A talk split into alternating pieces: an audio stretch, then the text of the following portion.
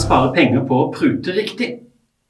Hei, jeg er Gjerknakken Rune fra gjerknatt.com, og i dag skal jeg prate om pruting. For noen år tilbake så karakteriserte TV 2 meg som prutekongen. Det er kanskje en overdrivelse, men jeg gjør mitt beste for å prute meg til bedre priser. Den som intet våger, intet vinner, veit du. Derfor bør du også prøve å betale minst mulig for det du skal handle. Vær godt, godt forberedt for å lykkes med prutinga.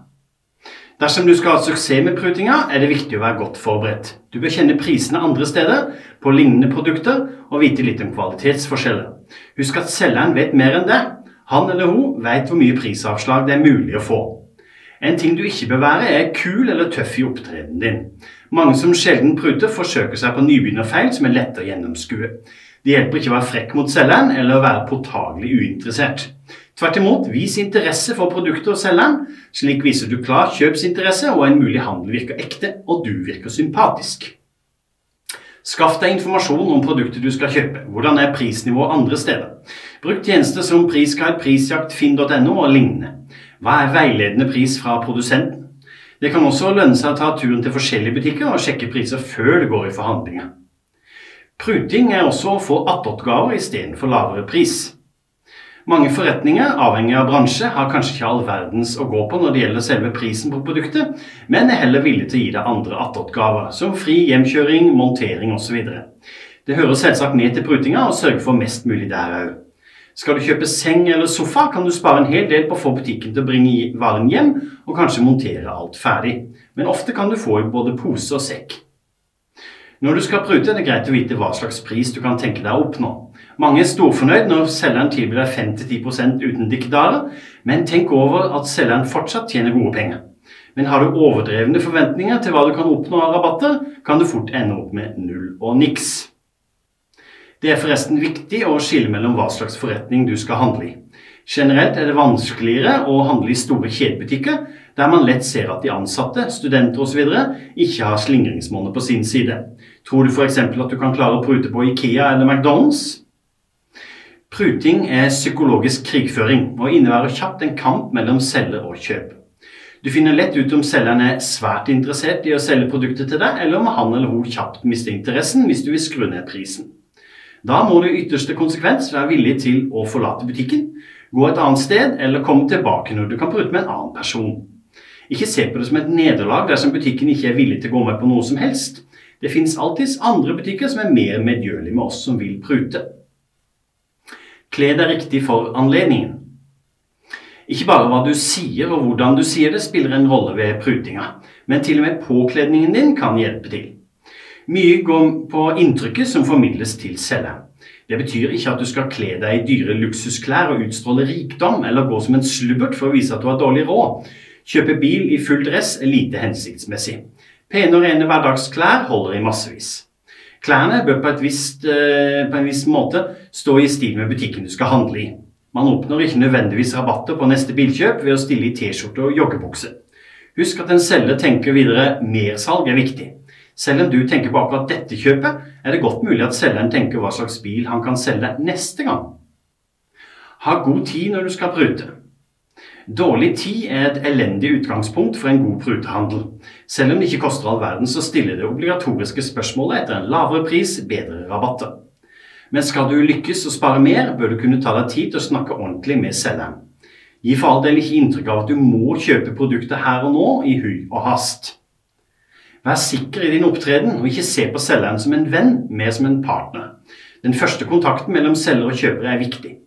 Du bør opptre mest mulig naturlig, men samtidig unngå å imponere eller komme med overdreven humor. I tillegg bør du altså unngå budskap som formidler at du er i skikkelig kjøpshumør. Det hele dreier seg om hvordan vi to kan komme i forretninger med hverandre. En god selger er en god psykolog, vær klar over det. En god selger klarer forresten kjapt å lese deg som kunde og finne ut hva som er ditt faktiske behov. La meg ta et eksempel. Det er forskjell på en kunde som ønsker å kjøpe én TV-stol, og en som vil kjøpe to TV-stoler, sofa og kjøkkenbord. Derfor kan det være greit å si ting som at 'jeg skal fornye hjemmet og skal etter hvert kjøpe flere forskjellige møbler'.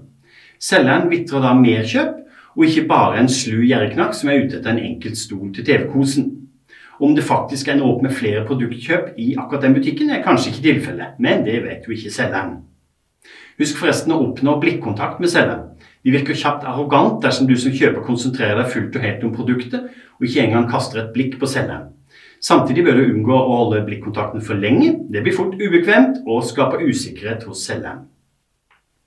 Hva slags vare er det mulig å oppnå rabatt på? Det er vel nesten umulig å svare på. Jeg har sjøl klart å oppnå rabatter på min lokale Kiwi-sjappe. Viktig prate med daglig leder eller noen med ansvar. Det fins nesten ingen grenser. Dersom du følger med i tilbudsaviser, ser du kjapt hva slags varer som ofte blir nedsatt i salgsperioder. F.eks. elektronikk, møbler, sko, vesker, sportsvarer, klokker, smykker, klær osv. Det betyr jo faktisk at de vanlige prisene er satt høyt, og at butikkene har en del å gå på. La meg ta noen eksempler. Møbler. Ideelt bruteklima for sånne varer. Det er høy avanse på møbelsalg. 15-20 bør være oppnåelig, og kanskje helt opp til 50% for utstillingsmodeller eller varer som er på vei ut. Klær og sko. Særlig sesongvarer er lett å få reduksjon på dersom sesongen er på hell. Sandaler og sommerkjoler om høsten, liksom. Nå er det jo ofte salg på sånne varer hele året rundt, men likevel mulig å prute i en del sjapper. Ofte ender det kanskje opp med et par sokker gratis i handleposen, men det er jo også pruting. Elektronikk og hvitvarer. Vær på jakt etter B-varer, utstillingsmodeller og produkter som er på vei ut av markedet. Vet du at den nye modellen av en mobiltelefon kommer om få uker, kan du presse butikken til å gi deg gunstigere pris på en eldre modell. Har de varen inne, vil de gjerne bli kvitt den. Husk at selve betalinga også er en del av prutinga. Visste du forresten at det kan hjelpe å snakke om hvordan produktet skal betales? Bruker du kredittkort, må nemlig butikken betale gebyr til kredittkortselskapet. På et eller annet tidspunkt i prutesamtalen bør du derfor ta opp emnet med selgeren. Kanskje det blir mer rabatt dersom du betaler kontant eller med bankaksept. Da går pengene rett fra konto, istedenfor med kredittkort. Husk forresten at det finnes flere kredittkort som gir deg gode rabatter ved kjøp av produkter. Det bør du regne på. Seks enkle pruteregler for deg som vil spare ekstra penger. Ikke vis falsk beskjedenhet. Det er bedre å spørre direkte om rabatt en gang for mye enn for lite. Vær oppmerksom på situasjonen du pruter i. Ofte er det nok med et enkelt spørsmål, men ved store innkjøp, som f.eks. bil, er det lov å gå mer i dybden og jobbe seg nedover. Vær forberedt. Sjekk prisnivå andre steder og ha kjennskap til produktet du skal handle. Tenk på eventuelle tillegg du kan hanke inn, og bestem hvor mye du faktisk er villig til å betale. Ikke tro at selgeren er din venn, men heller en forretningspartner. Dere skal sammen finne en løsning til glede for begge parter. Ikke bli sur og tverr i prutinga. Ikke gi inntrykk av at du er nødt til å handle. Takk for meg. Dersom du likte dette innlegget, håper jeg du har lyst til å ta en titt på nettsida mi jerriknatt.com, og ellers følg meg på sosiale medier som YouTube, Facebook, Snapchat og Instagram.